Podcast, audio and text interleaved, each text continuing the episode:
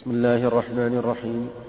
الحمد لله رب العالمين وصلى الله وسلم على نبينا محمد وعلى آله وصحبه أجمعين.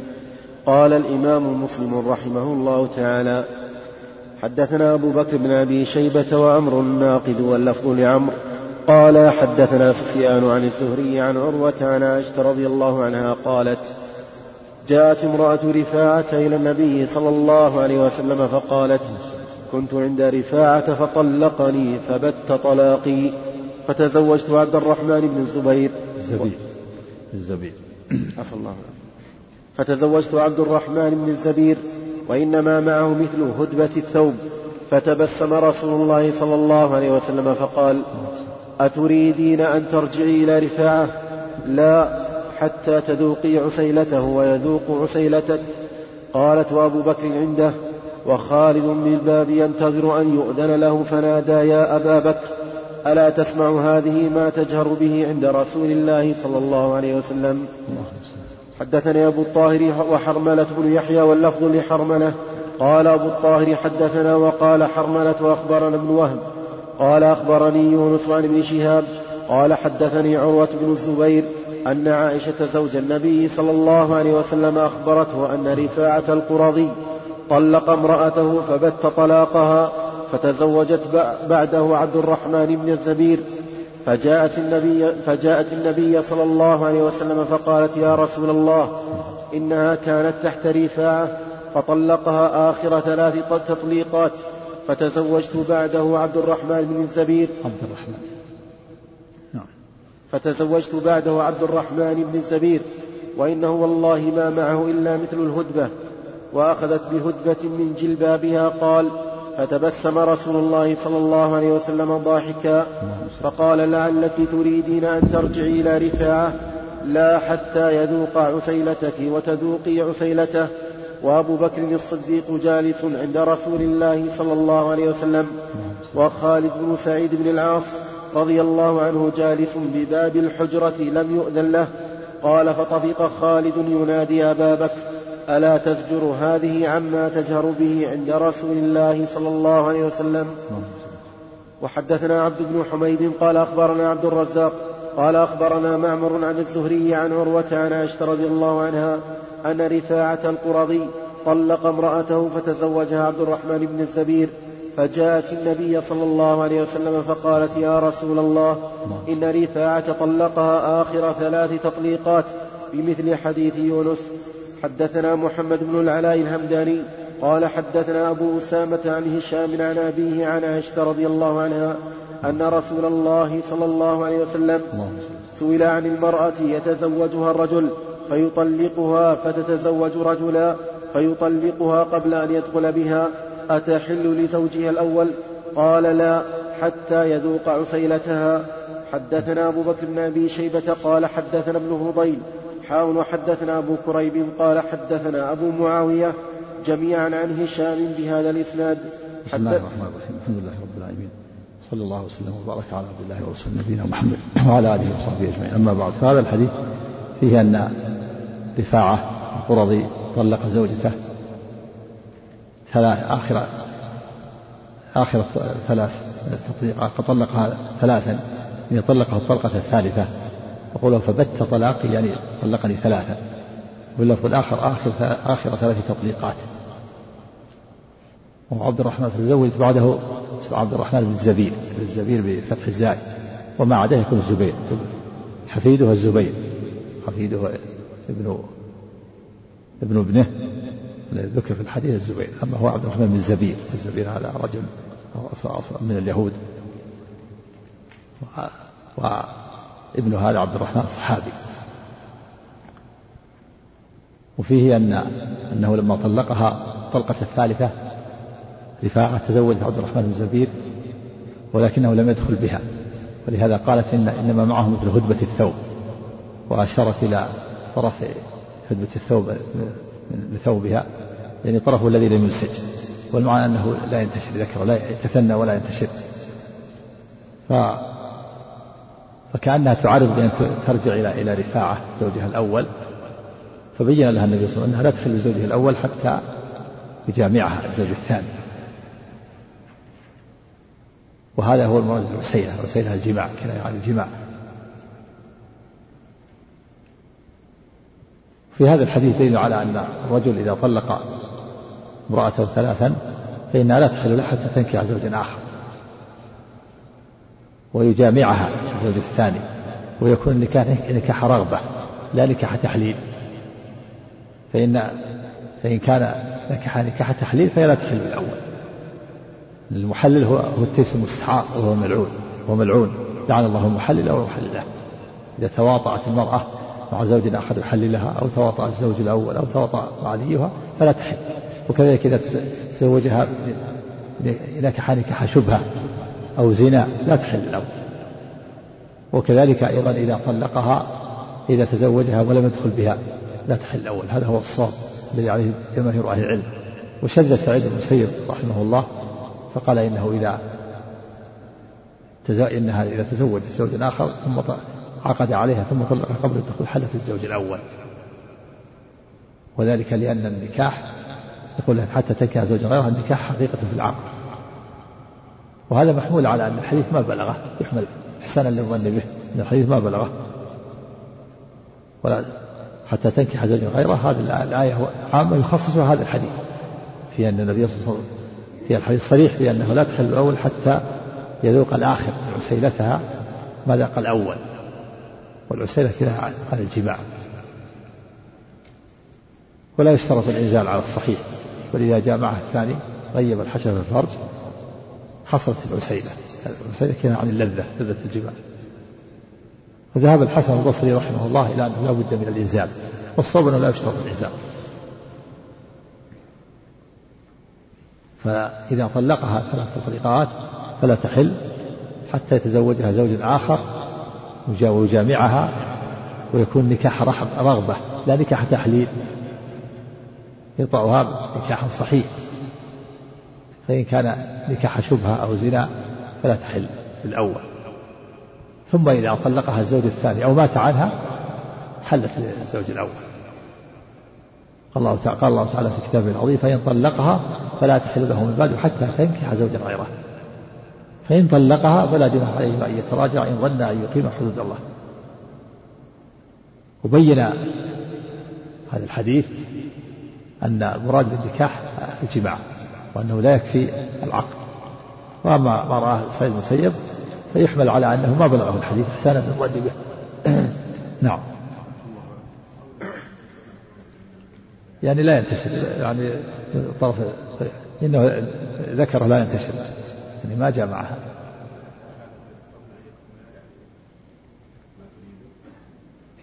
تزوجت فلا تزوجت ولا ولا جاء معها.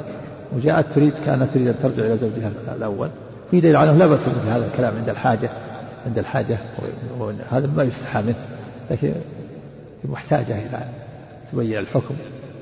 ولهذا قال خالد بن سعيد قال سعيد خالد بن سعيد وكان بالباب لم يذن له ينادي أبا بكر ألا تزجر هذه ما تزجر به عند رسول الله صلى الله عليه وسلم؟ لأن هذا ما يستحى منه في العادة لكن مضطرة إلى أن تبين ذلك حتى تعرف الحكم الشرعي. والنبي صلى الله عليه وسلم ما يزيد على أن يتبسم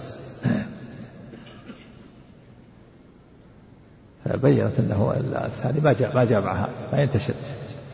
ما معها مثل هدوء الثوب نعم. تقصد المؤمنين ما يلزم المقصود انها إنه ما ينتشر. ذكره عقد عليها ولا ولا جاء معها. نعم. حدثنا أبو بكر بن أبي شيبة قال حدثنا ابن فضيل حاء وحدثنا أبو كريب قال حدثنا أبو معاوية جميعا عن هشام بهذا الإسناد. حدثنا أبو بكر بن أبي شيبة قال حدثنا علي بن مسهر عن عبيد الله بن عمر عن القاسم بن محمد عن عائشة رضي الله عنها قالت طلق رجل امرأته ثلاثا فتزوجها رجل ثم طلقها قبل أن يدخل بها فأراد زوجها الأول الأول أن يتزوجها. فسئل رسول الله صلى الله عليه وسلم عن ذلك فقال لا حتى يذوق الآخر من عسيلتها حتى يذوق الآخر من عسيلته من عسيلتها ما ذاق الأول. وحدثناه محمد بن عبد الله بن نمير. قال حدثنا أبي حاء وحدثناه محمد بن المثنى. قال حدثنا يحيى يعني يعني ابن سعيد جميعا عن عبيد الله بهذا الإسناد مثله.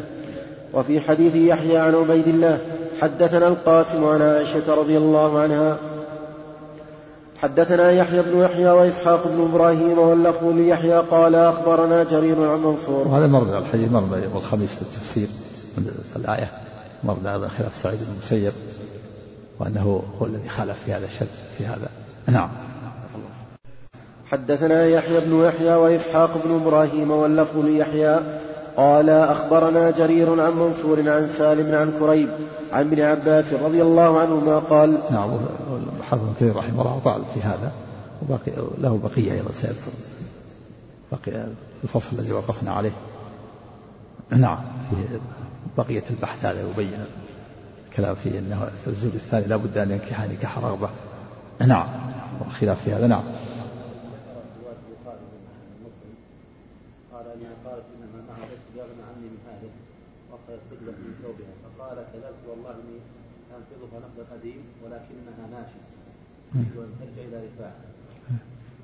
نعم نعم هذا جاء في صحيح البخاري. كذلك أيضا هو مضطر إلى من الجلد هي السقاء هذا كذلك أيضا مضطر إلى مثل هذا الكلام للضرورة. نعم نعم.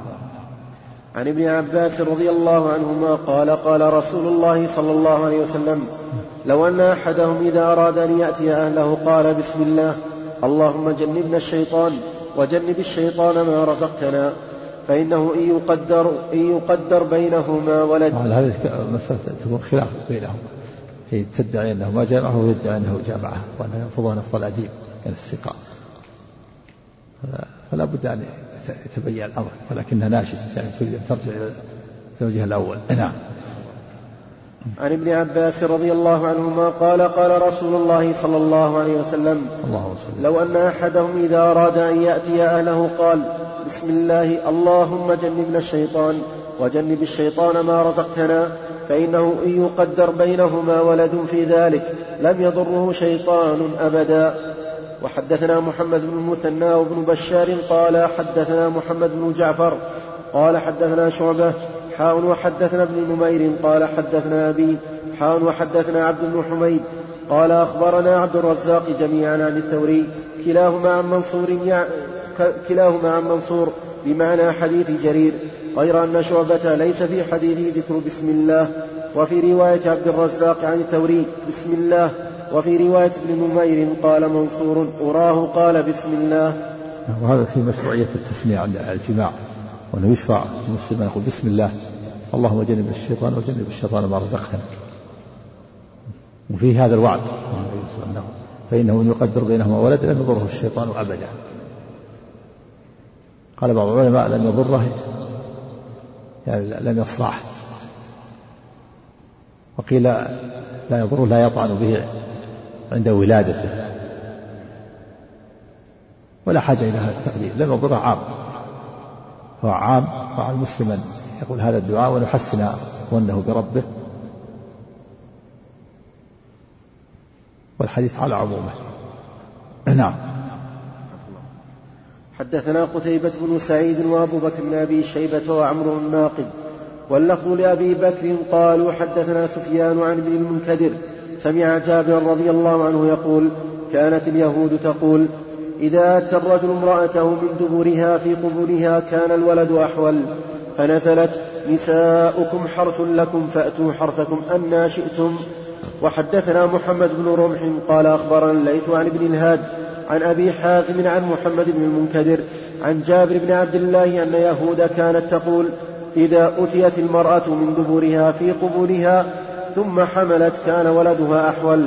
قال فأنزلت نساؤكم حرث لكم فأتوا حرثكم أنا شئتم. وحدثنا قتيبة بن سعيد قال حدثنا أبو عوانة حاول وحدثنا عبد الوارث بن عبد الصمد قال حدثني أبي عن جدي عن أيوب حاول وحدثنا محمد بن المثنى قال حدثني وهب بن جرير قال حدثنا شعبة حاء وحدثنا محمد بن المثنى قال حدثنا عبد الرحمن قال حدثنا سفيان حاء وحدثني عبيد الله بن سعيد وهارون بن عبد الله وأبو معن الرقاشي قالوا حدثنا وهب بن جرير قال حدثنا أبي قال سمعت النعمان بن راشد يحدث عن الزهري حاء وحدثني سليمان بن معبد قال حدثنا معل بن أسد قال حدثنا عبد العزيز وهو ابن المختار عن سهيل بن أبي صالح كل هؤلاء عن محمد بن المنكدر عن جابر رضي الله عنه بهذا الحديث وزاد في حديث النعمان عن الزهري إن شاء مجبية وإن شاء غير مجبية غير أن ذلك في صمام واحد. نعم وهذا الحديث يدل على أنه لا بأس بجماع الرجل زوجته من ورائها ومن من قدامها ومن ورائها. غير أن ذلك يكون في الفرج. وقد أكذب الله اليهود حينما زعموا أن الرجل إذا جمع امرأته من ورائها في قبورها كان الولد أحول. أنزل الله هذه الآية نساؤكم حرث لكم فأتوا حرثكم شئت مقبلة ومدبرة وإن شاء مجبية وغير مجبية. مجبية يعني مكبوبة على وجهها. غير أن ذلك في السمام الواحد في الفرج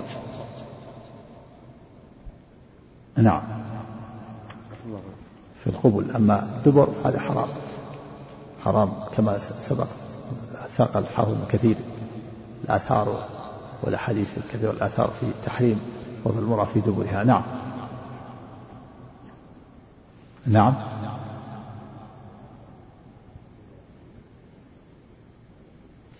لا لا. في هذه الحالة ما في ذكر. نعم. وحدثنا محمد بن بقلبه. نعم نعم. وحدثنا محمد بن المثنى وابن بشار واللفظ لابن المثنى قال حدثنا محمد بن جعفر قال حدثنا شعبة قال سمعت قتادة يحدث عن زرارة بن أوفى عن أبي هريرة رضي الله عنه عن النبي صلى الله عليه وسلم قال إذا باتت المرأة هاجرة فراش زوجها لعنتها الملائكة حتى تصبح. وحدثنيه يحيى بن حبيب قال حدثنا خالد يعني ابن الحارث قال حدثنا شعبة بهذا الإسناد وقال حتى ترجع. حدثنا ابن أبي عمر قال حتى وهذا يدل على أن المرأة إذا امتعت من فراش زوجها من غير سبب أن هذا من الكبائر. لأن اللعن لا يكون على كبيرة واللعن هو الطرد والإبعاد من رحمة الله. فإذا امتنعت المرأة من فراش زوجها وهجرت فراش زوجها من غير سبب فإنها تكون مرتكبة لكبيرة. أما إذا كان بسبب كان يكون لا ينفق عليها أو يؤذيها هي معذورة في هذه الحال. قال حدثنا ابن أبي عمر قال حدثنا مروان عن يزيد يعني ابن كيسان عن أبي حازم عن أبي هريرة رضي الله عنه قال قال رسول الله صلى الله عليه وسلم والذي نفسي بيده ما من رجل يدعو امرأته إلى فراشها فتأبى عليه إلا كان الذي في السماء ساخطا عليها حتى يرضى عنها. نعم والله تعالى في السماء والملائكة في السماء وسخط الله أعظم. يسخط عليها الله وتسخط عليه الملائكة. نعم. نسأل الله العافية. وفيه إثبات السخط لله عز وجل. قال الله تعالى سخط الله عليهم. ومن الصفات الفعلية التي تليق بجلال الله وعظمته. واللعن. لعن الله السارق وسرق البيضة والسخط والغضب والرضا كلهم من صفات الله عز وجل. كما يليق بجلاله وعظمته. لا يماثل أحدا من المخلوقين في صفاته كما قال سبحانه ليس كمثله شيء وهو السميع البصير. نعم.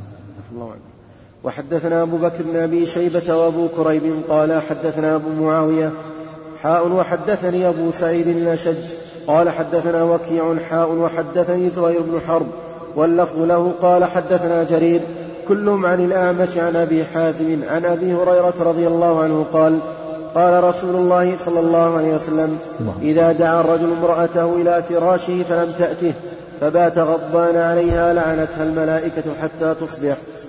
حدثنا أبو بكر بن أبي شيبة قال حدثنا مروان بن معاوية عن عمر بن حمزة العمري قال حدثنا عبد الرحمن بن سعد قال سمعت أبا سعيد الخدري رضي الله عنه يقول عمر بن حمزة؟ نعم. نعم. عمر بن حمزة العمري. عمر بن حمزة بن عبد الله بن عمر بن الخطاب. هذا نقل عن الإمام أحمد تضعيفه ونقل عن النسائي أنه لا بأس به.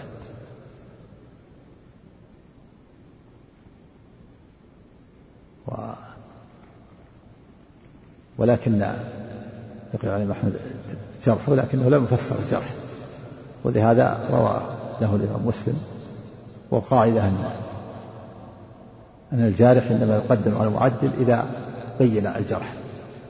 أما إذا لم يبين الجرح فإن فإن فإن يقدم معدل كما قال الحافظ في النخبة والجرح مقدم على التعديل إن صدر مبينا من عارف بأسبابه لابد أن يبين الجرح ويكون الجارح مبين يبين وكذا في فيه ضعف في حفظه في كذا. مبين الأسباب. أما إذا لم يبين فلا. ولهذا ما بين الجرح ولهذا قدم التعديل قدم مسلم التعديل. نعم. الله عن عمر بن حم عن عمر عن عمر بن حمزة العمري قال حدثنا عبد الرحمن بن سعد قال سمعت أبا سعيد الخدري رضي الله عنه يقول قال رسول الله صلى الله عليه وسلم إن من أشر الناس عند الله منزلة يوم القيامة الرجل يفضي إلى امرأته وتفضي إليه ثم ينشر سرها. نعم وهذا فيه يدل على أن إفشاء السر الذي يكون بين الزوجين من أحدهما كبيرة من كبائر الذنوب. من شر الناس عند الله. ما يكون بين رجل وبين امرأته من الكلام من الحالة في الجماع. هذا السر. فإذا نشأ السر الذي يكون بينه وبين زوجه هذا من كبائر الذنوب. قل من أشر الناس أشر وأخير هذه لغة قليلة والغالب شر. هي مثقال ذرة خيرا يره شر يره فالأكثر خير وشر. ولكن في هناك لغة قليلة أخير وأشر. من أشر الناس. الكثير من شر نقول من أشر الناس على اللغة القليلة. وهذا يدل على أن إفشاء السر الذي يكون بين الزوجين من الكبائر. إفشاء الرجل أو إفشاء المرأة هو من كبائر الذنوب. ومن شر الناس. عند الله يوم القيامة. نسأل الله العافية نعم. يدل على الوعيد الشديد. نعم. نعم. السر الذي يكون بينهما الشيء الخاص. أما إذا الشيء الشيء العام عند الحاجة إليه مثل ما قال النبي صلى الله عليه وسلم كنت أفعل أنا وهذه. وأشار إلى عائشة الشيء العام. أما الشيء الخاص السر الذي يكون بينهما ما هذا لا يجوز الشعر نعم. وحدثنا محمد بن عبد الله بن نمير وأبو كريب قال حدثنا قال عبد الرحمن بن الزبير ان يفضل نفض العديم هذا مضطر إلى هذا. وكذلك جاء تشتكي وتقول ان معه مثل هدبه الثوب. هذا لأجل الحاجة خصومه ومعرفة الحكم الشرعي. نعم. وحدثنا محمد بن عبد الله بن نمير وأبو كريب قال حدثنا أبو أسامة عن عمر بن حمزة عن عبد الرحمن بن سعد قال سمعت أبا سعيد الخدري رضي الله عنه يقول قال رسول الله صلى الله عليه وسلم إن من أعظم الأمانة عند الله يوم القيامة الرجل يفضي إلى امرأته وتفضي إليه ثم ينشر سرها. وقال ابن وقال ابن نمير إن أعظم. وحدثنا يحيى بن أيوب وقتيبة بن سعيد وعلي بن حجر قالوا حدثنا إسماعيل بن جعفر قال أخبرني ربيعة عن محمد بن يحيى بن حبان عن ابن محيريز أنه قال دخلت أنا وأبو صرمة على على أبي سعيد الخدري رضي الله عنه فسأله أبو صرمة فقال يا أبا سعيد هل سمعت رسول الله صلى الله عليه وسلم يذكر العزل فقال نعم غزونا مع رسول الله صلى الله عليه وسلم غزوة بالمصطلق فسبينا كرائم العرب. غزوة غزوة بل المصطلق؟ بالمصطلق. نعم غزوة بل المصطلق نعم. غزوة بل المصطلق فسبينا كرائم العرب فطالت علينا العزبة ورغبنا في الفداء فأردنا, نستم فأردنا أن نستمتع ونعزل فقلنا نفعل ورسول الله صلى الله عليه وسلم بين أظهرنا لا نسأله فسألنا رسول الله صلى الله عليه وسلم فقال لا عليكم ألا تفعلوا ما كتب الله خلق نسمة هي كائنة إلى يوم القيامة إلا ستكون. حدثني محمد غزونا. الله عنك غزونا مع رسول الله صلى الله عليه وسلم غزوة بالمصطلق فسبينا كرائم العرب فطالت علينا العزبة ورغبنا في الفداء فأردنا أن نستمتع ونعزل فقلنا نفعل ورسول الله صلى الله عليه وسلم بين أظهرنا لا نسأله. فسألنا رسول الله صلى الله عليه وسلم فقال لا عليكم ألا تفعلوا ما كتب الله خلق نسمة هي كائنة إلى يوم القيامة إلا ستكون حدثني محمد. نسمة الروح وهذا الغزو غزوة بني المصطلق.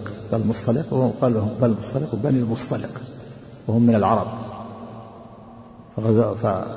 فسبينا كرائم العرب. فيه دليل على جواز سبي العرب واسترقاق العرب ووطئ سباياهم. فسبينا كرائم العرب. فيه دليل على جواز سبي العرب واسترقاق العرب ووطئ سباياهم. خلافا لبني حنيفة قال بأن العرب لا يسبون ولا يسترقون. فهذا الحديث غزونا بن المصطلق فسبينا كرائم العرب. يعني هم من العرب المصطلق ومن العرب ولهذا أغار النبي صلى الله عليه وسلم عليهم النبي صلى الله عليه وسلم أغار عليهم ولم ولم يدعهم لأن بلغتهم الدعوة أغار عليهم وهم غارون وأنعامهم تسقى على الماء فقتل مقاتلتهم وسبع درجهم واصطفى منهم جويرية بنت الحارث من المؤمنين. هذا يدل على أن العرب إذا كانوا كفر يسبون لا بأس وتوطع سباياهم. كما في هذا الحديث. نعم. غزوا بين المصطلق ووطئوا سباياهم ثم رغبوا في الفداء فقالوا نعزل. يعني يريدون أن يبيعوا هذه السبايا وإذا جاء معها وحملت فإنها لا تباع. يدل على أن أمهات الأولاد لا تباع. ولهذا قال غزا بالمصطلق و وطئنا سباياهم يعني استرقوا صاروا أرقا ووطئت سباياهم يعني. فرغبوا في الفداء يعني الفداء في بيعها. فسألوا النبي صلى الله عليه وسلم عن العزل فأبح لهم العزل لأنه إذا جامع السرية ثم حملت صارت أم ولد وهذا يدل على أن أم الولد لا تباع. ولهذا استشكلوا هذا. وقال يا رسول الله إن نريد الفداء نريد أن نبيعها. ونريد أن نعزل. فدل على أن أمهات الأولاد لا تباع هذا مستقر عند الصحابة. ولهذا سأله عن العزل. والعزل هو أن يجامع الرجل المرأة فإذا حس بخروج المني أخرج ذكره وأنزل خارج الفرج. هذا العزل. يجامع مرأة زوجته فإذا حس بخروج المني أخرج ذكره وأنزل خارج الفرج. والعزل عن عن الأمة لا إشكال فيه ولا خلاف في أنه يجوز الإنسان أن يعزل عن الأمة كما في هذا الحديث. وطأوا الإماء وإن كانت من العرب لكن استرقوا سبوه الكفر. لما قاتلوهم وسبوا نساءهم وذريهم صاروا أرقا ولو كانوا من العرب. ثم وطئوا السبايا فخافوا أن تحمل هذه السبايا وإذا حملت فإنها لا تباع. وهم يريدون أن يستمتعوا بهن وأن يبيعوهن فسألوا النبي صلى الله عليه وسلم عن العزل حتى لا تحمل. هل يجوز العزل؟ يعني الجامع السرية فإذا حس بخروج المني أخرج ذكره فأنزل خارج الفرج. فأباح لهم النبي صلى الله عليه وسلم وقال لا عليكم ألا تفعلوا. ما من نسبة إلا والله خالقها. ما من نسبة. إن يكن نسبة والله فالله الله خالقها.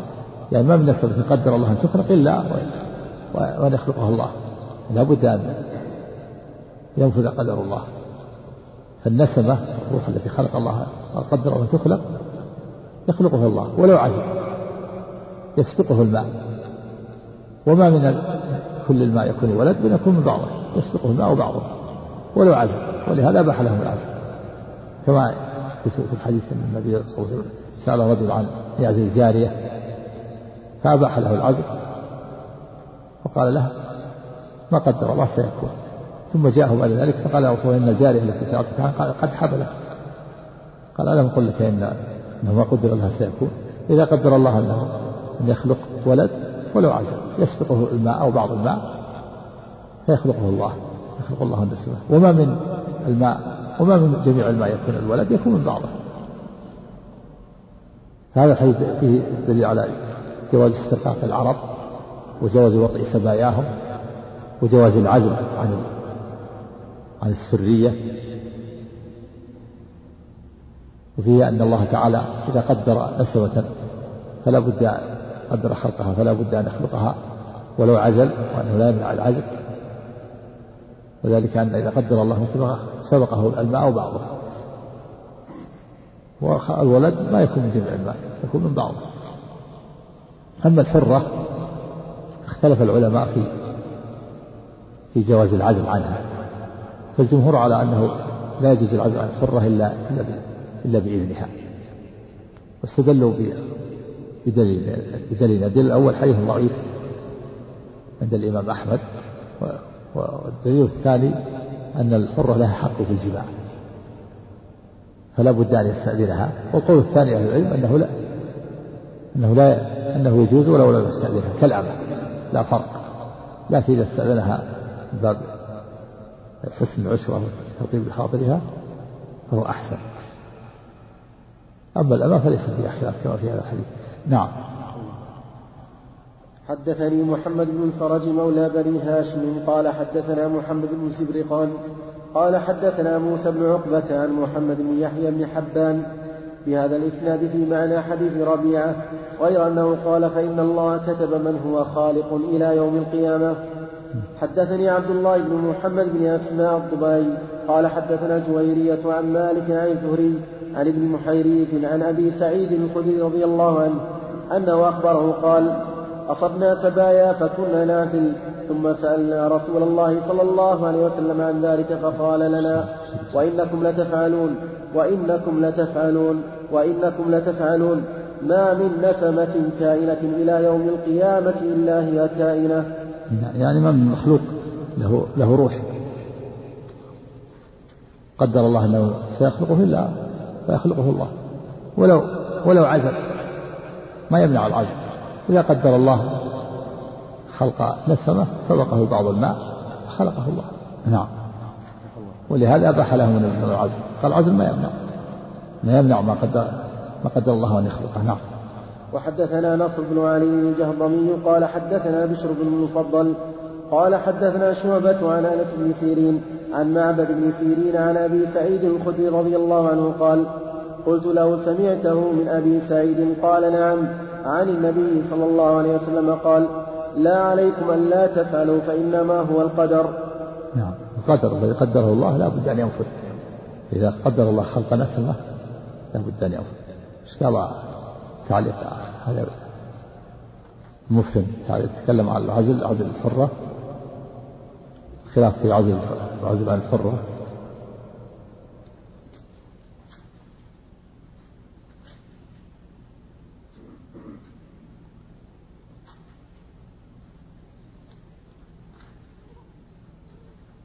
نعم. وحدثنا محمد بن المثنى وابن بشار قال حدثنا محمد بن جعفر. حاء وحدثنا يحيى بن حبيب قال حدثنا خالد يعني بن الحارث. يعني ابن الحارث حاء وحدثني محمد بن حاتم. قال حدثنا عبد الرحمن بن مهدي وبهز قالوا جميعا. حدثنا شعبة عن أنس بن هذا بهز, بهز بن أسد هذا ليس وليس بهز بن حكيم. يعني بهز بن حكيم ليس من رجال الشيخين نعم. قالوا جميعا حدثنا شعبة عن أنس بن سيرين بهذا الإسناد بهذا الإسناد مثله غير أن في حديثهم عن النبي صلى الله عليه وسلم قال في العزم لا عليكم ألا تفعلوا ذاكم فإنما هو القدر. وفي رواية بهز قال شعبة قلت له سمعته من أبي سعيد قال نعم.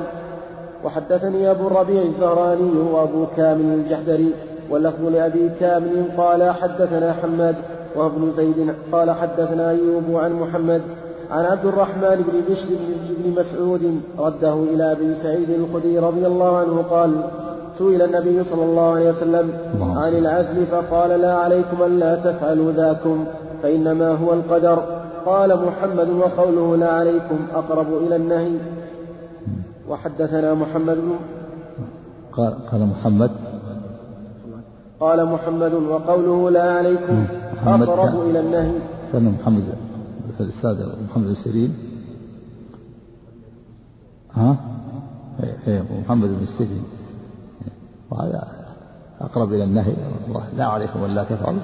ظاهره الإباحة الإباحة يعني لا حرج عليكم ألا تفعلوا. يعني فهم منه أقرب إلى إلى النهي. نعم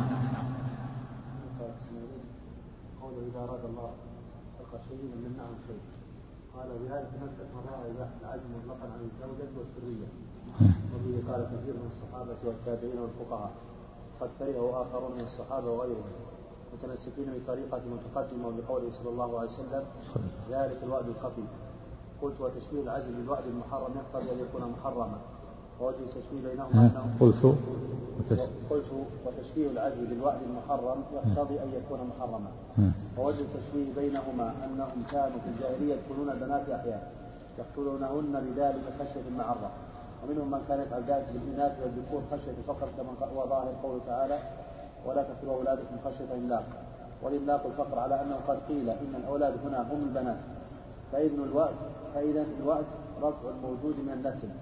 والعزم منع أصل النسل فتشابه إلا أن قتل النفس أعظم جزءا وأقبح فعلا ولذلك قال بعض علمائنا إنه يفهم من قوله في العزم أنه الوعد الخفي الكراهة للتحريم. وذهب مالك والشافعي إلى أن العزل عن الحرة لا يجوز إلا بإذنها وكأنهم رأوا أن الإنزال من تمام لذاتها ومن حقها في الولد ولم ير ذلك في الموضوعة للبنت فله أن يعزل عنها بغير إذنها.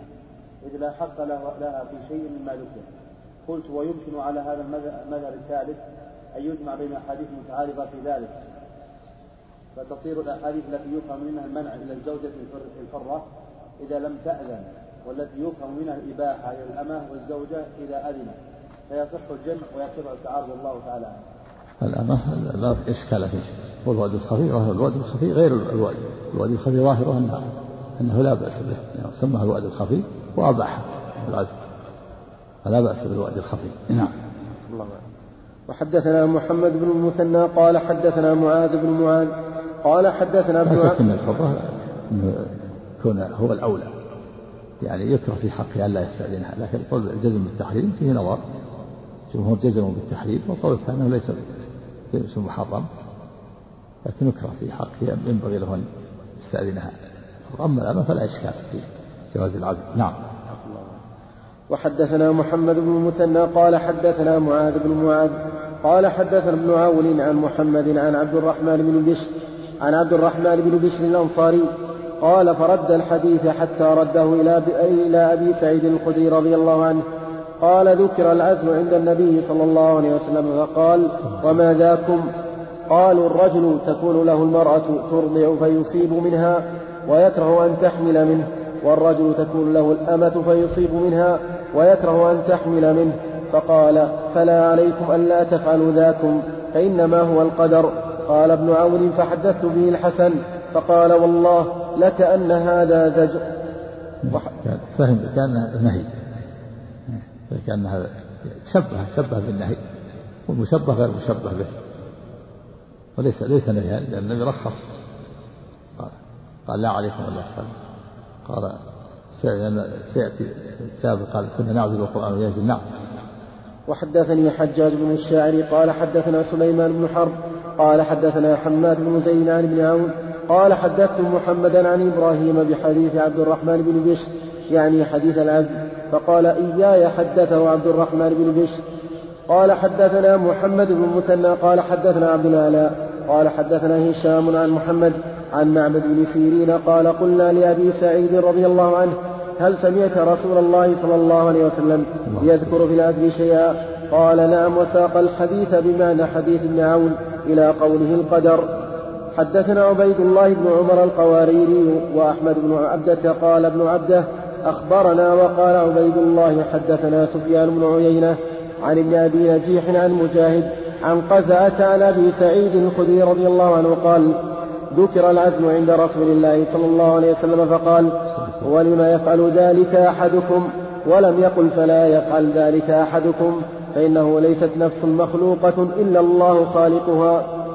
حدثني هارون بن سعيد الأيلي قال حدثنا عبد الله بن وهب قال أخبرني معاوية معاوية يعني ابن صالح عن علي بن أبي طلحة عن أبي الوداك عن أبي سعيد الخدري رضي الله عنه سمعه يقول سئل رسول الله صلى الله عليه وسلم عن العزل فقال ما من ما, ما من كل الماء يكون الولد وإذا أراد وإذا أراد الله خلق شيء لم يمنعه شيء. نعم ما من كل ما يكون الولد بل من بعضه يعني الملك من بعضه.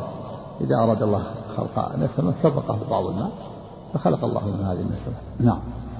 حدثني أحمد بن المنذر البصري قال حدثنا زيد بن حباب قال حدثنا معاوية قال أخبرني علي بن أبي طلحة الهاشمي عن أبي الوداة عن أبي سعيد الخدري رضي الله عنه عن النبي صلى الله عليه وسلم بمثله حدثنا أحمد بن عبد الله بن يونس قال حدثنا زهير قال أخبرنا أبو الزبير عن جابر رضي الله عنه أن رجلا أتى رسول الله صلى الله عليه وسلم فقال إن لي جارية هي خادمنا وسانيتنا وأنا أطوف عليها وأنا أكره أن تحمل فقال أزل عنها إن شئت فإنه سيأتيها ما قدر لها. نعم خادمنا وسانيتنا يعني تخدمهم وتسقي لهم الماء شبه بالثانية الثانية البعير الذي يسقى عليه الماء.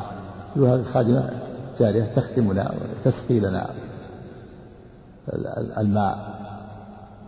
وأنا أعزل قال أعزل وسيأتيها ما قدر لها قدر الله تحمل حملت ولو عزل نعم. الله فلبث الرجل ثم أتاه فقال إن الجارية قد حبلت قد حبلت. حبلت حبلت بمعنى حبلت. يقول بالباء والميم. حبلت بمعنى حملت. نعم. فقال قد أخبرتك أنه سيأتيها ما قدر لها.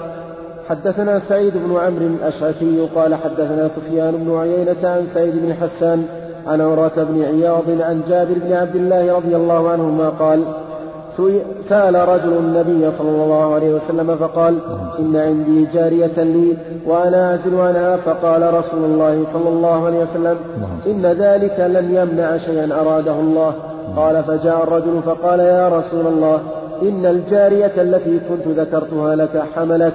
فقال رسول الله صلى الله عليه وسلم أنا عبد الله ورسوله. وحدثنا يعني, يعني ما أخبرتك أنه صدق. وهو من دلائل النبوة عليه الصلاة والسلام وأنا ما أخبر به صدق وحق عليه الصلاة والسلام. نعم.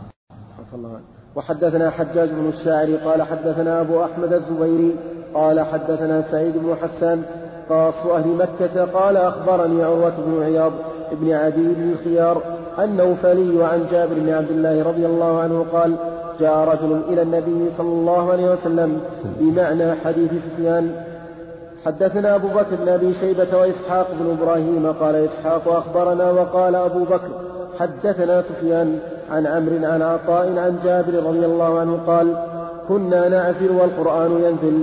زاد إسحاق قال سفيان لو كان شيئا ينهى عنه لنهانا عنه القرآن. نعم وكنا نعزل والقرآن ينزل.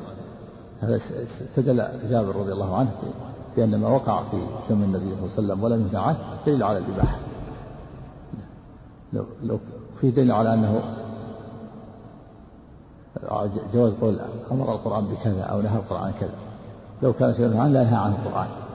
فلا بأس أن يقول أمر القرآن بكذا أو نهى القرآن عن كذا أو قال القرآن كذا. كنا نعزل والقرآن يعزل ولو كان شيء نهى عنه لنهى عنه القرآن.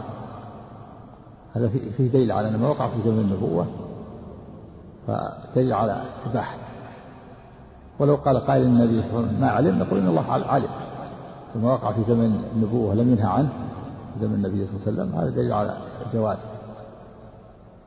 وإذا قال قائل أن الرسول صلى الله عليه وسلم قد يكون ما علم فيقول إن الله علم فلا يمكن أن يقر شيئا وهو ممنوع. ولهذا استدل جابر قال كنا نعبد القرآن. لو كان شيء ينهى عنه ينهى عن القرآن. نعم. الله عنه وحدثني سلمة بن شبيب قال حدثنا الحسن بن أعين قال حدثنا معقل عن عطاء قال سمعت جابر رضي الله عنه يقول لقد كنا نعزل على عهد رسول الله صلى الله عليه وسلم. وحدثني أبو غسان المسمعي قال حدثنا معاذ يعني يعني ابن هشام قال حدثني أبي عن, عن أبي الزبير عن جابر رضي الله عنه قال كنا نعزل على عهد رسول الله صلى الله عليه وسلم فبلغ ذلك نبي الله صلى الله عليه وسلم فلم ينهنا. وحدثني محمد فدل على الجواز يعني فدل على الجواز نعم. وحدثني محمد بن عموم هذا استدل من قال انه يجوز العاجل عن الحرة والامه جميعا. نعم. وحدثني محمد بن المثنى قال حدثنا محمد بن جعفر قال حدثنا شعبة عن يزيد بن خمير قال سمعت عبد الرحمن بن جبير يحدث عن أبيه عن أبي الدرداء رضي الله عنه عن النبي صلى الله عليه وسلم أنه أتى بامرأة أنه أتى بامرأة